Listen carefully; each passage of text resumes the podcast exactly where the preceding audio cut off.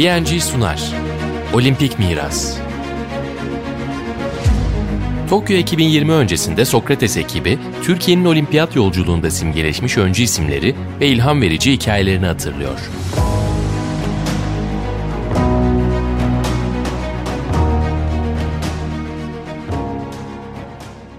Sokrates Podcast programlarında PNG ile Olimpik Miras podcast serimizde ben Canereler, konuğum Burak Balaban'la beraber artistik jimnastik üzerine konuşacağız. Tabii ki artistik jimnastiğin daha çok Türkiye bağlantılı hikayesinden bahsedeceğiz. Ancak bir yandan da olimpiyat tarihinden elbette uluslararası kahramanlara da hem geçmişten hem günümüze uzanmaya çalışacağız. Ama elbette öncelikle Türkiye üzerinden bir tarihsel hikaye baktığımızda çok daha eskilere gitmek gerekiyor. Burak bu arada hoş geldin. Selamlar, selamlar abi. Bir konukseverlikle seni hemen karşılayayım.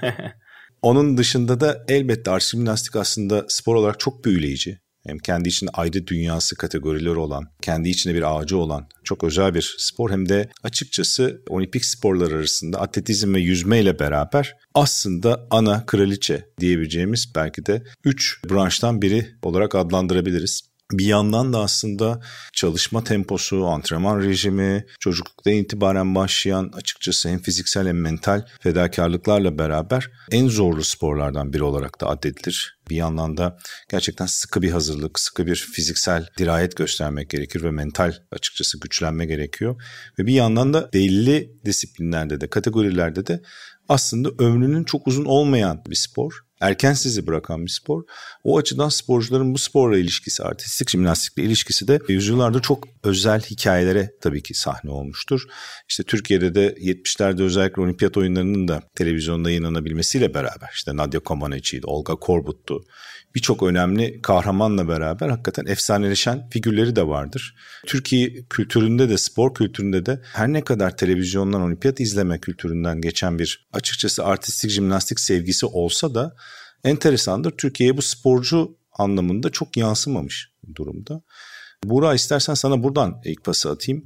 Yani olimpiyat tarihimize baktığımızda tabii ki belli sporlarda hep öne çıktığını görüyoruz Türkiye'nin. Bildiğimiz klasik sporlar. Yani son özellikle 20-30 yılda halterin de eklenmesi, geçmişten güreş, atletizmde 1-2 tabii ki geçmişten başarı derken aslında biraz daha işte tekvando, judo, biraz boks arasına 6-7 spor arasında aslında sıkışmış bir madalya tablosu var Türkiye'nin. Artistik jimnastik ise son yıllarda özellikle son 6-7 yılda çok daha öne çıkmaya başladı bu anlamda. Ama biraz daha herhalde geçmişe giderek başlayalım ne dersin? Muhakkak abi dediğin gibi aslında yani Cumhuriyet döneminin öncesine dayanıyor bizim artistik jimnastikteki ufak bir dokunuşumuz diyelim. Çünkü 1908 Londra olimpiyat oyunlarında Alekomulos'la aslında bir ziyaretimiz, ilk adım atışımız var. Ama sonrasında 100 yılı aşkın bir süre bekliyor Türkiye. Bir daha yeni bir temsilcisini artistik jimnastikte görebilmek için sen az önce işte Korbut örneğini verdin, Comaneci örneğini verdin. Buradan sevgili Atilla Gökçe'nin de spor medyasının duayenlerinden bir tanesi kulağını çınlatalım. Vera Çavlavska'yı analım.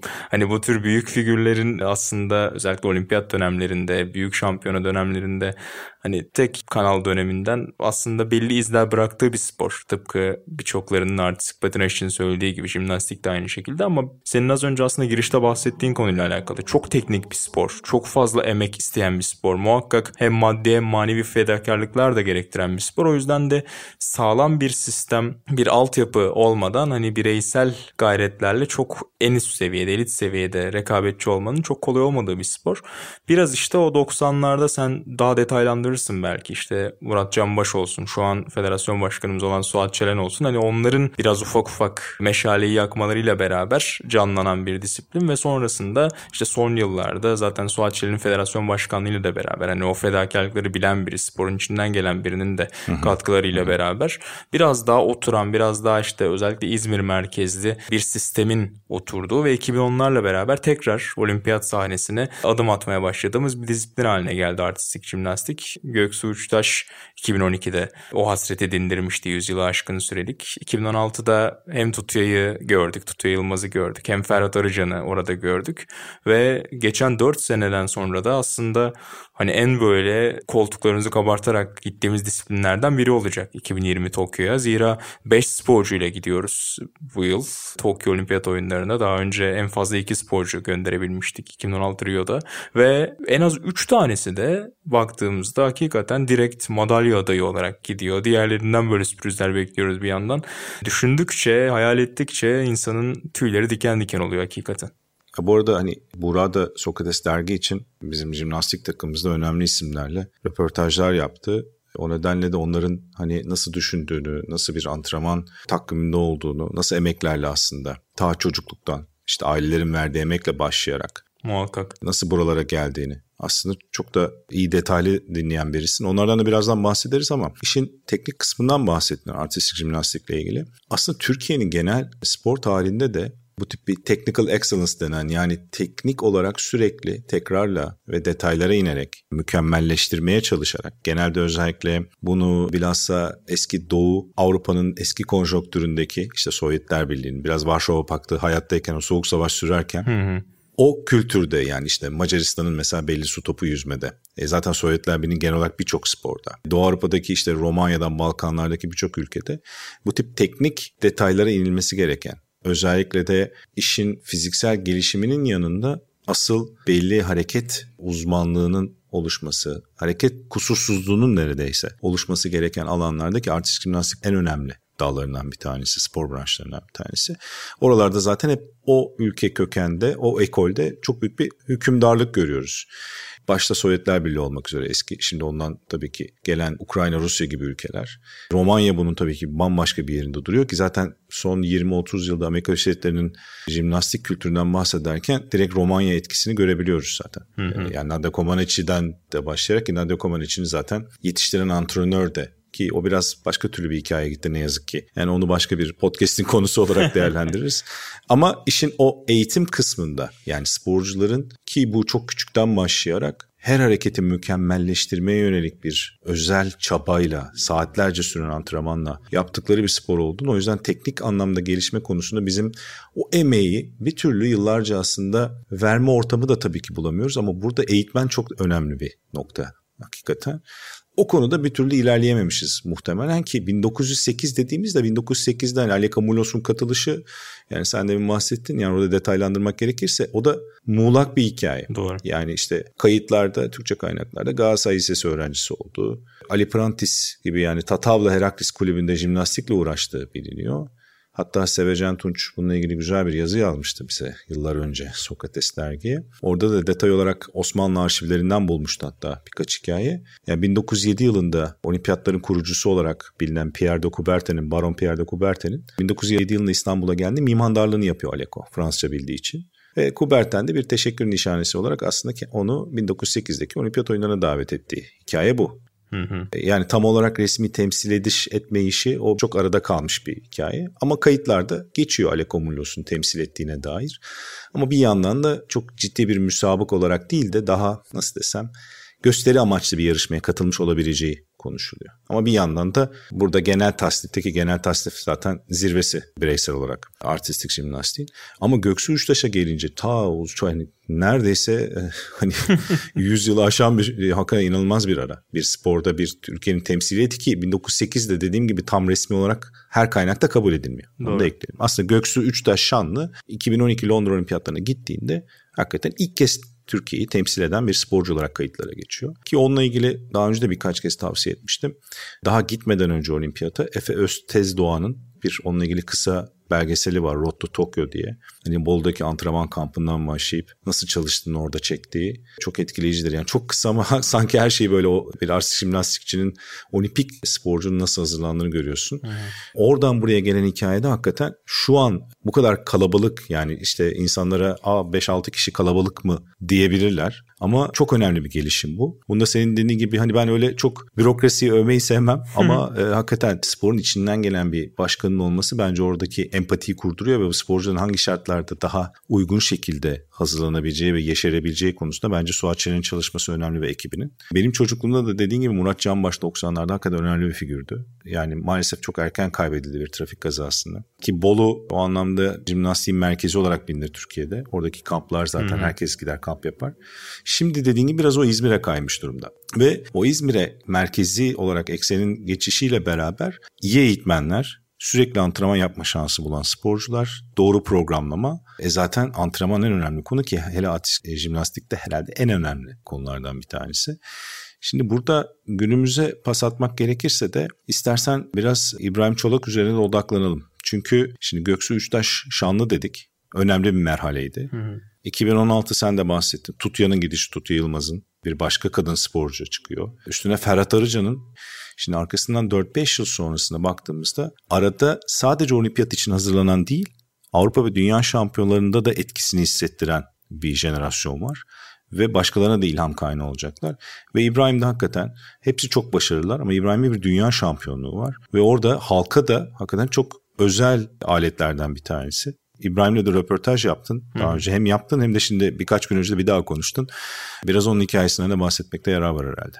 Mutlaka dediğin gibi zaten hani İbrahim'in dünya şampiyonluğuyla beraber tamamen hani ülkece de bakışımız değişti. Ondan beri neredeyse tüm Avrupa ve dünya şampiyonalarının televizyonlarda yayınlandığı ne zaman o sporcular sahne alacak olsa insanların hakikaten bir gözüyle oraya doğru döndüğü bir spor haline geldi ve durumun hakikaten epey ciddi hale geldiğini artık uluslararası sahnede sporcularımızın çok ciddi adaylar haline geldiğini biz o dünya şampiyonluğuyla biraz anladık. İşte Ferhat'ın yine ilk ona girdiği dünya şampiyonaları vardı. Ahmet Önder'in keza işte 2017'de yine ilk onlu yaptığı bir genel tasnif dünya şampiyonasında vardı. Ama İbrahim'in hani en üst seviyeye kadar çıkmayı başarması işte Avrupa şampiyonluğunu sonrasında yine ekledi. Bakışı çok değiştirdi. Dediğin gibi olimpiyat sayımız için özel bir dosya da yapıyoruz zaten sporcularımızla da konuşuyoruz. Orada da İbrahim'in çok ümit var olduğunu yani şampiyon öncesinden kendi serisine çok güvendiğini ki biraz sakatlıklarla da uğraştı aslında. İşte geçen yıl tam böyle pandemiden önce birkaç ay önce bir sakatlığı vardı. Bir ameliyat olması gerekiyordu. Hatta orada biraz tedirgin olduğundan da bahsetti sohbet ederken. Yani olimpiyat yakın hani 5 ay kalmıştı. Hani ne kadar düzelebileceğim ne kadar e, tekrar o antrenman Hı-hı. seviyesine dönebileceğim biraz şüphelerim vardı diyor. Çünkü sen de söyledin yani kusursuzluğun peşinde olan bir spor jimnastik. Yani birbirinize karşı rakibinize karşı yarışmıyorsunuz. Kendi sınırlarınızı sürekli test ediyorsunuz. O yüzden de bir de birkaç gün antrenman yapmadığında hani çok etkileyen bir spor olarak da hani ekleyelim değil mi? O Mutlaka. sakatlık endişesi bir de onu da sanırım içeriyor Mutlaka. diye tahmin ediyorum. Her sporcu bunun altını çiziyor. Hatta onunla ilgili direkt bir alıntı vermem gerekirse yine Ferhat Arıcan'la da sohbet ettik. O da dedi yani bazen bir antrenman kaçırsanız sizi birkaç hafta geriye götürür.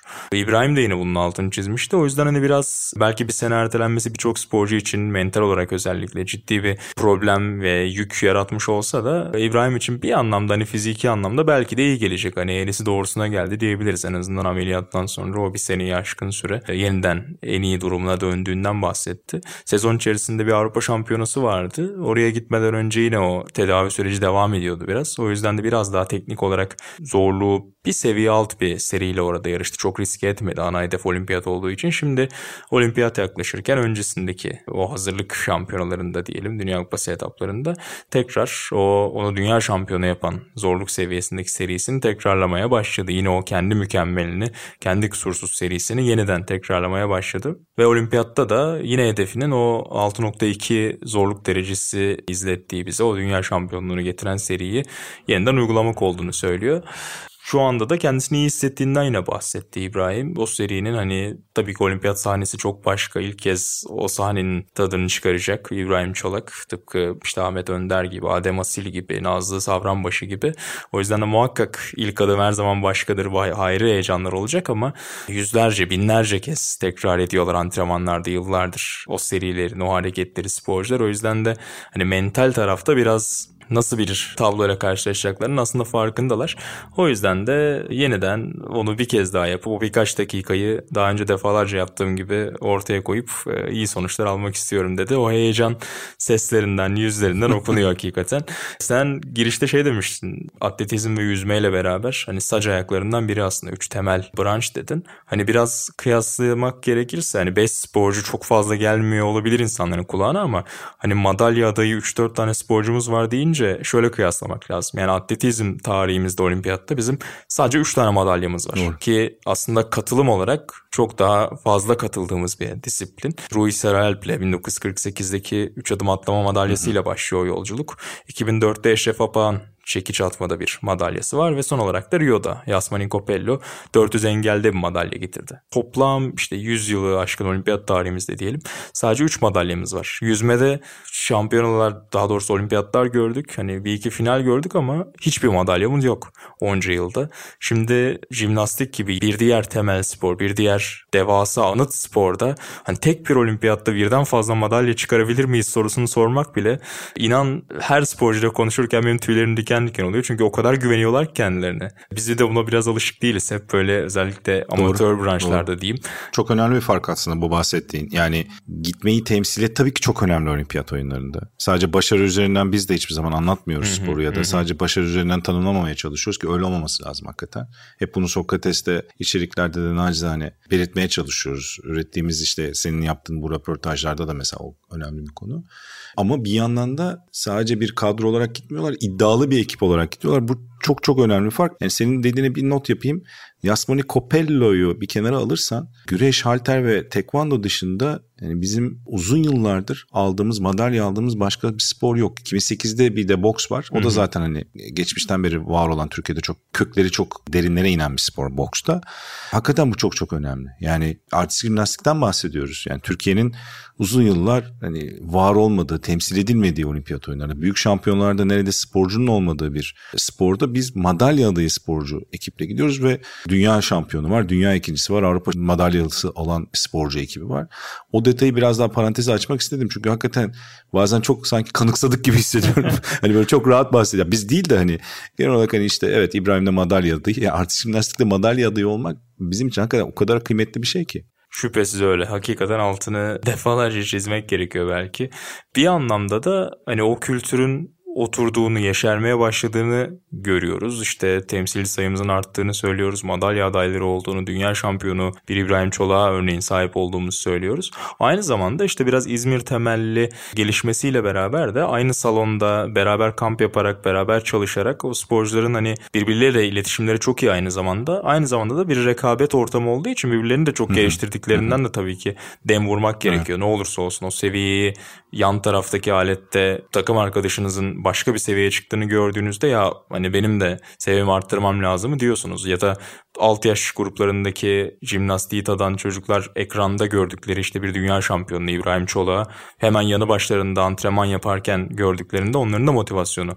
Ben de yeterli çabayı gösterirsem, yeterli saati burada harcarsam onun gibi bir yere gelebilirim mi görüyorlar. O yüzden de geleceğe dair de onların bu özgüveni, onların ortaya koydukları bu müspet sonuçlar bambaşka bir yolu aslında hazırlıyor gibi ilerisi içinde ki o kültürü oturtmak zaten dediğin gibi. Madalya olabilir, dünya şampiyonlukları gördük. Yarın öbür gün başkaları da olabilir ama özellikle her yıl yani her dört yılda bir her olimpiyata bu tür üçer dörder sporcuyla gidebilmek ileride belki bir takım olarak neden olmasın 2024 Paris'te en önemli hedeflerinden biri olarak onu söylüyorlar çok zaten. bahsediyor değil mi ekip üyeleri yani İbrahim, Aynen Ahmet öyle. hep bu ekipçe bir şey kazanmaktan bu çok önemli o takımlaştık. Arada bazılarının rekabet de olsa.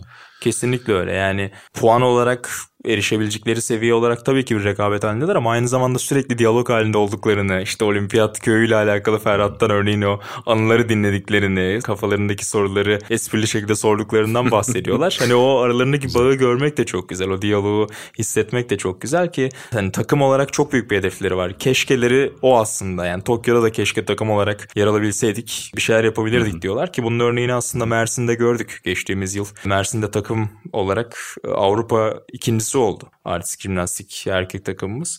O yüzden de hani bir potansiyel olduğunu da gördük. İşte İbrahim 26 yaşında, Ferhat 27 yaşında. O takım artık Paris'te bir kez daha sahne almayı hedefliyorlar. Yani asıl vedalarını diyelim büyük sahnedeki, olimpiyat sahnesindeki burası gibi planlamıyorlar şu anda. Hem Ferhat'ın söylediği bir konuydu. Hem İbrahim'in altını çizdiği bir konuydu. Ee, o yüzden de önümüzdeki yıllarda da onları yine elit sahnede göreceğiz. Tabii ki yani sakatlıklar var, işin içinde birçok şey var. O yüzden de Paris'e kadar daha çok şey değişebilir ama şu an için kafalarındaki kağıt üzerindeki plan önümüzdeki birkaç yılda bu elit sporcularımızı o sahnelerde görmek. Bu arada bu programımızda İbrahim Çolak da Katar'daki kamptan bize güzel bir ses kaydı gönderdi. Şimdi olimpiyat oyunlarına Tokyo 2020'ye hazırlanan İbrahim'den bakalım düşüncelerini alalım. Ardından tabii ki yine burada olacağız.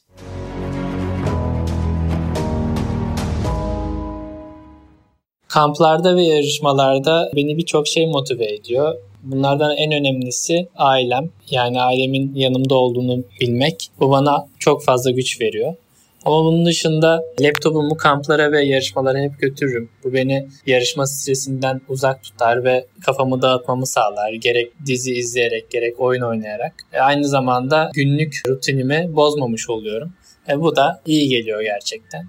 Ama bunun dışında motive eden bir başka önemli şey de hedeflerim, olimpiyatlar. Ben yarışmalarda, kamplarda hep bu hedeflerimi düşünerek hareket etmeye çalışıyorum. Zorlandığım noktada ayağa kalkıp devam etmeye çalışıyorum. Pes etmemeye çalışıyorum. Bu hedeflerim beni her zaman diri tutuyor.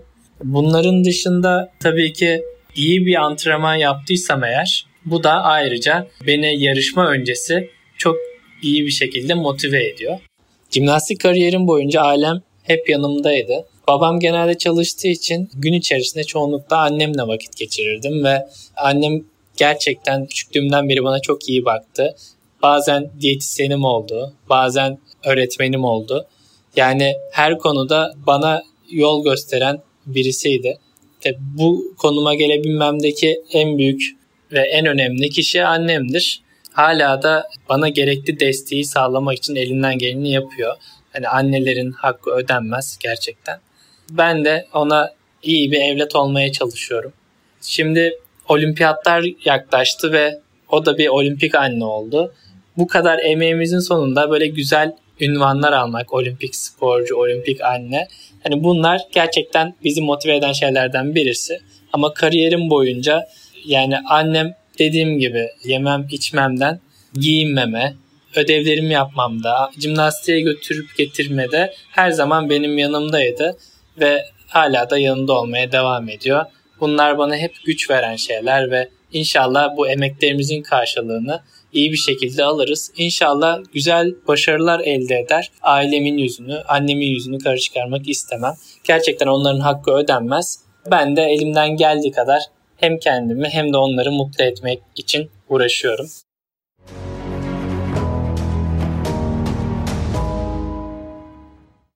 Evet İbrahim'e çok teşekkür ediyoruz. Bize hem vakit ayırdığı için bu yoğun takviminde zira hani e, hem konsantrasyon hem antrenman takvimi açısından yoğun bir dönemdeler. Hem ciddi bir müsabakalara hazırlanıyorlar hem de olimpiyat oyunlarına hazırlanıyorlar. Hem de güzel sözleriyle programa da çok büyük bir renk kattı hakikaten. İbrahim'e de buradan çok teşekkür ediyoruz. Şimdi şöyle bir şey aklıma geliyor. Herhalde ya tabii 1988'i hatırlıyorum bir yandan ama özellikle 1992'deki yani Barcelona'daki erkeklerde halkadaki Vitali Sherbo'nun serisi ben böyle büyülenmiştim mesela. Erkeklerdeki aletlere baktığımda yani o kategorilere halka beni o zaman acayip etkilemişti böyle çok farklı o havada hani yanda iki halkaya ellerini koyarak yaptıkları sanki bir yer çekimiyle dans eder gibi yaptıkları hareketler beni çok etkiler. Bir de bunun gerçekten bir bireysel böyle bir uzmanlaşma alanı var. Mesela genel tasnifçilerin çoğu genelde çok halka uzmanı değil. Halka uzmanı zaten hakikaten gerçekten sadece halkada yarışıyorlar çoğu. Onun kendine özgü bir vücut yapısı da oluştuğunu biliyorum ama Vitali Sherba mesela o konuda çok özel bir sporcuydu. Yani mesela genel tasnifte de çok iyi bir sporcuydu. Hmm, Ukraynalı yani Sovyet kökenliydi de. Genelde tabii kadın kahraman kahramanlar daha çok aslında hatırlanır. İşte sen de bahsettin. İşte Atilla abi bize yazmıştı hakikaten Atilla Gökçe, Vera Çaslavska. Ben mesela Ludmila Turisheva çok hayranıyımdır. O böyle Olga Korbut'un gölgesine kalan bir başka Sovyet sporcu ya da Rus kökenli o zamanların büyük şampiyonlarından biri. Zaten Nadia Comaneci Türkiye Tabii popüler kültürüne bir espri kaynağı olmuştur yani. Filmlere biliyorsun. Kendisiyle de bu arada röportaj yapma şansı bunu titreyerek konuştum yani. Öyle bir hani artık şey olmuş ki karşısına böyle beni şey yapmıştı sakinleştirdi. Tamam biliyorum bana çok hayransın ama sakinleş ben de insanım falan dedi. Çok tatlıydı ya. Bir abi de hakikaten. e, hakikaten öyle. Bir de o kadar yani nasıl desem çok ışıl ışıldı. Yani çok karizmaydı öyle söyleyeyim. Şimdi öyle baktığımda artistik jimnastikçinin o sahnede böyle bir performans sanatçısı gibi de görüyorum ben. Yani herhalde hepimiz öyle. Yani sen de öyle hissediyorsundur diye tahmin Kesin öyle. Bir, yani birçok sporda tabii o hissiyat var ama işte o ışıklar, sahne. Mesela hani İbrahim'in de o dünya şampiyonluğu serisini izlerken böyle hani o kadar heyecanlandım ki yani yıllar önce bir Türk sporcu orada ne bileyim tahayyül edemezken yani şimdi mesela NBA'de Türk sporcu, basketbolcu olmasına çok ne kadar alıştıysak. Doğru. Yani artık hani çok kanıksıyorsak bu mesela 1990'ların ortası hatta neredeyse sonuna doğru bir kaftanın ardı gibiydi. Oraya kadar. Şimdi jimnastikte de jimnastikte de böyle bir şeyi görmek hakikaten çok insanı çok farklı etkiliyor. Yani spor izleme anlamında söylüyorum ve tabii ki bir yandan da Türkiye'den bir temsiliyet açısından da çok etkileyici oluyor.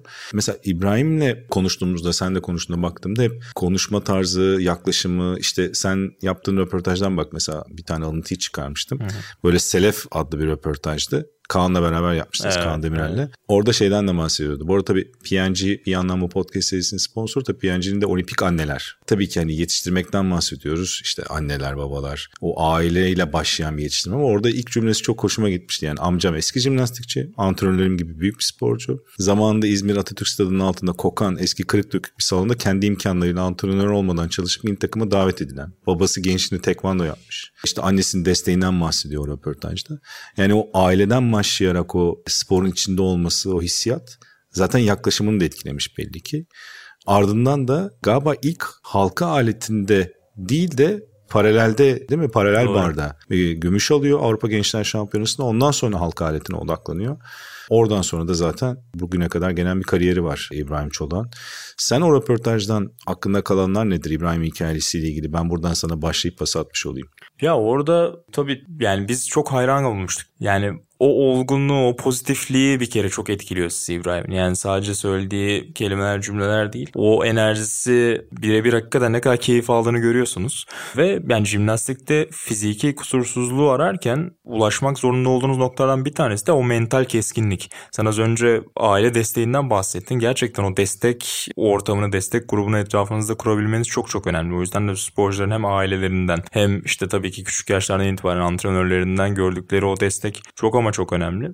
O da bunun altını çizmişti. Dediğin gibi yani o şartların değişiminin onu ne kadar etkilediğini, ne kadar saat harcarsanız harcayın. O yeterli imkana sahip olmadığınızda bir noktada tıkanabiliyorsunuz. O da işte amcası üzerinden biraz o örnekleri anlatmıştı ama işte o yeterli tesisi, yeterli çalışma imkanını bulduğunda da nerelere gelebildiğini görüyoruz. Orada benim aklımda kalan konulardan biri daha işte birkaç yıl önce yapmıştık o röportajı. 2019'un başlarındaydı. Ve orada daha demişti yani biz hani ekip olarak çok iyi bir takımız. Yani benzer yaşlarda işte Ahmet Önder olsun, Ferhat Aracan olsun benzer yaşlarda bir jenerasyon çok doğru bir jenerasyon yakaladık ve tarihe geçmek istiyoruz diyordu Tokyo'da. Yani açık açık bunun altını çizerek çok gözleri ışıldayarak parıldayarak bunu söylüyordu. Belki o özgüveni hissettirerek sanırım. Muhakkak, muhakkak öyle. Başarmışlık ve daha da fazlasını başarabileceğinin farkında olarak bunu söylüyor. Yani basit bir hayal değil, bir hedef olarak bunu belirlediklerini, kendi aralarında onu konuştuklarını, orayı gözlediklerini hissedebiliyordunuz. Yani biraz geçti belki, bir, bir senelik ertelemeyle olacak belki ama tekrar onu hatırlattık hatta. Sevgili Kaan röportajda onu sordu. Yani böyle konuşmuştuk hatırlarsın dedi. Şu an hala onu düşünüyor musun? Yüzde yüz dedi. Yani kesin bizim aklımız, fikrimiz orada. Keşke hatta yine orada o keşkeyi söyledi. Keşke burada takım olarak da yarışabilseydik ama belki hani Paris'te onu başarabileceğiz dedi. Tarih yazmak istiyor. İbrahim tarih yazmak istiyor. Takımımız, diğer sporcularımız tarih yazmak istiyor. Neden olmasın? Yani tabii ki birkaç saniyenin tek bir hareketin her şeyi değiştirebildiği bir spor jimnastik. İşte kusursuzluğu aramanın dezavantajlarından biri diyelim. En ufak bir işte eliniz kaydığında, çok ufak bir konsantrasyon kaybında yılların emeği Aynen. bir kenara bırakılabiliyor. O yüzden de orada olabilmek, o finale çıkabilmek zaten çok daha önemli kısım olacak ama temiz bir seri orada izletebildikleri anda hem İbrahim Çolak hem işte Ferhat Ahmet de sayalım. Çok çok gururlu anlar yaşatabilirler bize. Orada e, tabii şeyi hatırlatmakta fayda var. Biz de alıştığımız için artık bahsetmeyi de yani düşünmüyoruz. Ama bir yandan hani antrenman tempolarının bozulduğu bir pandemi süreci de geçirdiler. Tabii, o dönemde tabii. de arada mesaj açmıştık işte Ahmet'le de konuşmuştuk. Hatırlayacaksın. Yani evde antrenman yapmaya çalışıyorlardı ki yani bir artistik jimnastikçi için herhalde demin de bahsettik en zorlayıcı şeylerden biri olsa gerek. İşte fiziksel olarak kendilerini diri tutmaya çalışıyorlar sonuçta. O yüzden de o kadar zorlu bir süreçten geçip bir de bir yıl ertelenme psikolojisi de zor. Kendini hazırlıyorsun işte taper dediğimiz o form zirvesini olimpiyata göre ayarlıyorsun. Hı hı. O belirsizlik, o süreç, o muğlak işte beklenti olacak mı olmayacak mı? Sonra bir yıl erteleniyor ki bir iki aydır bir de biliyorsun yani Tokyo 2021 ile de ilgili. Doğru. Yani tırnak içinde 21 diyoruz. Ertelenme ya da hatta tamamen iptal dedikoduları var. Hala Japonya'da itirazlar var Tokyo'da ama bir yandan da artık yapılacağı işte %50 seyirci alınacağı da söyleniyor bu arada. Seyirci bir de artist jimnastikte çok önemli. Yani her sporda önemli de o atmosfer, o hava, her aletin kategorinin orada yarışlarında seyircinin oradaki etkisi onlar çok etkiliyor. Birçok sporcu tabii onlar kendi konsantrasyonları belki transa geçiyorlar ama yine de önemli. Bir de olimpiyatın orada havasını hissetmek açısından da önemli o seyirci. Ben açıkçası o habere biraz sevindim. Yani eminim hem İbrahim hem diğerleri işte Ahmet, Ferhat, Nazlı hepsi onu hissedeceklerdir diye düşünüyorum. O açıdan da hepsini buradan biz de yani dinlemeseler de belki ya da dinleseler de çok çok tatlı bir ekip hakikaten. Hepsi çok sempatik, çok sporun dışında da hayatlarında çok pozitif insanlar. O yüzden hepsine buradan yürek dolusu iyi şanslar ve sevgiler diliyoruz biz de. Senin son söylemek istediğin şeyler var mı yoksa ya birçok şeyi konuştuk. Kapatırken hani jimnastiğin etkisini olimpiyattaki ağırlığını diyelim biraz daha vurgulayarak belki kapanışı yapabiliriz. Olur, Sen harika olur. Az önce işte Çazlavska'dan bahsettik sevgili Atilla Gökçe'ye referans vererek. işte 1960'lara kadar gittik. Sonrasında işte Komanecilerden bahsettik. Korbutlardan bahsettik. Yani yıllar geçse de hep çok büyük figürler çıkaran bir spor artistik jimnastik ki hem 2016 Rio'da hem de burada 2020 Tokyo'da en büyük figürlerden biri de Simon Biles olacak. Yani bir diğer spor devi diyelim. 2016'da işte hem Bolt'un vedası, Phelps'in vedası önceki birkaç olimpiyata da damga vurmuş iki sporcuydu ama şimdi onlar da yokken aslında baktığında en büyük e, spor figürü hangisi diye 2020 Tokyo'ya baksam muhakkak adaylardan bir tanesi yine Simon Biles olacak. Bir diğer artistik jimnastikçi. O yüzden hani sadece kendi sporu içerisinde değil koca olimpiyatta her sporun temsil edildiği neredeyse büyük sporların olimpiyatta böyle bir özgür ağırlığa sahip bir branştan artistik jimnastikten bahsediyoruz ve orada doğrudan madalya adayı olarak, podyum adayı olarak oraya o özgüvenle gidebilen sporculara sahip olmak beni çok çok çok çok mutlu ediyor. Yani küçükken çok herhalde tahayyül edemeyeceğim bir şeydi. O yüzden de tadını çıkaralım hep beraber. İbrahim'in, Ferhat'ın, Ahmet'in, Adem'in ya da Nazlı'nın o maceralarına hep beraber konuk oldum. Madalya olur, final olur. Hani dediğim gibi saniyeler, minimal hatalar, milimetreler her şeyi değiştirebiliyor jimnastikte. O yüzden de şu ana kadar başardıklarını silmeyecek orada olanlar ama bir podyum, bir madalya bizi hakikaten havalara uçuracaktır ekran başında. Başarılar dileyelim. Bizler de tadını çıkaralım. Ya şeyi söylemek lazım. Çok güzel bir şey hatırlattım bu arada. Yani oraya gidebilirler ve yani beklenen ya da umdukları şeyi bulamayabilirler sonuçta. Olabilir. Tek bir müsabakanız var yani bir eleme yapıyorsunuz Hı-hı. işte final. Birer e, seriye bağlı her şey. Biz de hani böyle amatör tırnak için amatör diyorum çünkü çok ciddi bir profesyonellik var içinde ama bu amatör profesyonel terimi karıştığı için de biraz geçerli bu. Evet. Yani o amatör sporların fedakarlığı, emeği hakikaten başka bir seviyede. Yani ve o beklentilerle beraber bu tip büyük şampiyonlarda hele iddialı gidiyorsanız yaşadığınız mental ağırlık çok daha büyük oluyor. Hele artist jimnastik onun çok daha net hissedildiği bir yer açıkçası. Ya işte yüzücüler de mesela yıllarca çok büyük emek verip çok ağır yani yüzme ve artist jimnastik herhalde antrenman rejimi açısından, emek açısından en e, talepkar sporlardan haftada ikisi diyebiliriz. Haftada 6 Başta. saat, günde Aynen. 2 antrenman 3'er saatten düzeltiyorum. Evet. Haftada 6 gün 3 saatten günde 2 idman yapıyorlar neredeyse. Hakikaten acayip Düşün. bir tempo. Ve bunların saatleri falan da yani hani çok Tabii. e, uzun ve günün bütününü kaplayan ve hakikaten hayatlarını kaplayan bir şeyden bahsediyoruz.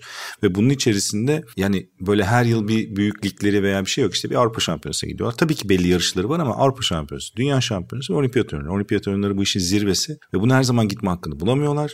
Ve dört yılda bir ve o gittiklerinde de yani işte biz yüzmede de olur ya gideriz havuzda boğulduk. Hayır yani ne sunduk, nasıl çalıştılar, nelerle uğraştılar ondan sonra olimpiyata gittiler. Yani orada yarı final finale gitmek bile çok zor, kolay değil. Bunu böyle değerlendirmemek gerekiyor. Aynı şey şu an gidecek artist jimnastikçiler ve diğer sporcular için de geçerli. Bunu başka türlü bir bakış açısıyla yaklaşmak gerektiğini bir türlü çözemedik. Ama ben bir yandan tabii ki başarı da güzel. Madalya getirme ihtimali de çok güzel burada artist jimnastik takımının. O yüzden de hani bir şey olmadığında sanki bir ön alıyor gibi olmayayım ama daha devamı var. Yani sonuçta bir süreç ve hep oraya gitmek. E belki de bu sporcuların burada yarattıkları bundan yıllar sonrasında sürekli o bu finallerde göreceğimiz Türk artistik jimnastikçileri getirecek ve belki de daha da önemlisi üst üste madalyalar da getirecek. Yani bunu böyle uzun vadeli biz hep her şeyi hemen kısa bekliyoruz. Kısa vadede bekliyoruz. Bunun ötesine geçmek gerektiğini de bence kanıtlayacak bir ekol oluşması anlamında da çok kıymetli. Artistik jimnastikçilerin bu şekilde son 3 olimpiyattır hep üstüne ekleyerek gitmesi. Burada hep o üstüne eklemenin devam etmesini dileyelim. Bir yandan da Simon Biles'den orada bir şey eklemek isterim. Yani olimpiyat oyunları biliyorsun işte herhalde 2000'lerin işte 2008'den bu yana Phelps Bolt üzerinden bu iki büyük yıldız üzerinden değerlendirildi. Şimdi burada Biles neredeyse yerini aldı. Hatta ikisinin bile yerini almış olabilir. Yani o kadar büyük bir yıldız haline geldi. Yani atletizmde ve yüzmede bu kadar baskın büyük bir karakter yok. Tabii ki büyük yıldızlar var ama bu baskınlıkta bir karakter yok. Bir de e, jimnastiğin özellikle değişimini de simgeleyen bir karakter Simone Biles.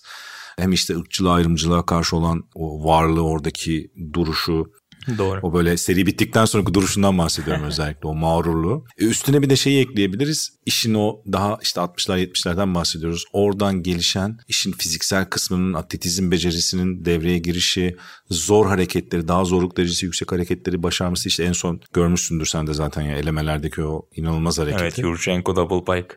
Çok acayip hakikaten. Yani bu atmosferin olduğu bir branşın içerisinde Türkiye'nin de buradaki varlığı çok çok önemli. Yani belki de tarihin en büyük olimpik yıldızlarından, spor yıldızlarından birinin şemsiyesi altında orada çok daha büyük bir ışığın altında olacak bizim sporcularımız da. Muhakkak öyle. Çok güzel toparladın abi. Tadını çıkaralım. Dediğim gibi yine öyle söyleyeyim Aynen, öyle noktalayayım. Aynen. E o zaman PNG ile Olimpik Miras serimizde artistik jimnastik ve İbrahim Çolak'a tabii ki de bir yandan da hem milli takımın tüm sporcularına hem de İbrahim Çolak'a da ayrıca bir parantez açtığımız bu bölümde sona geliyoruz. Burak çok teşekkürler. Ağza sağlık abi zevkti. Burak Balaban ve ben Canereler bu sohbette sizlere eşlik etmeye çalıştık. Sürçülisan ettiysek affola. Tekrar görüşmek üzere. Hoşçakalın. Hoşçakalın. PNG'nin sunduğu Olimpik Miras sona erdi.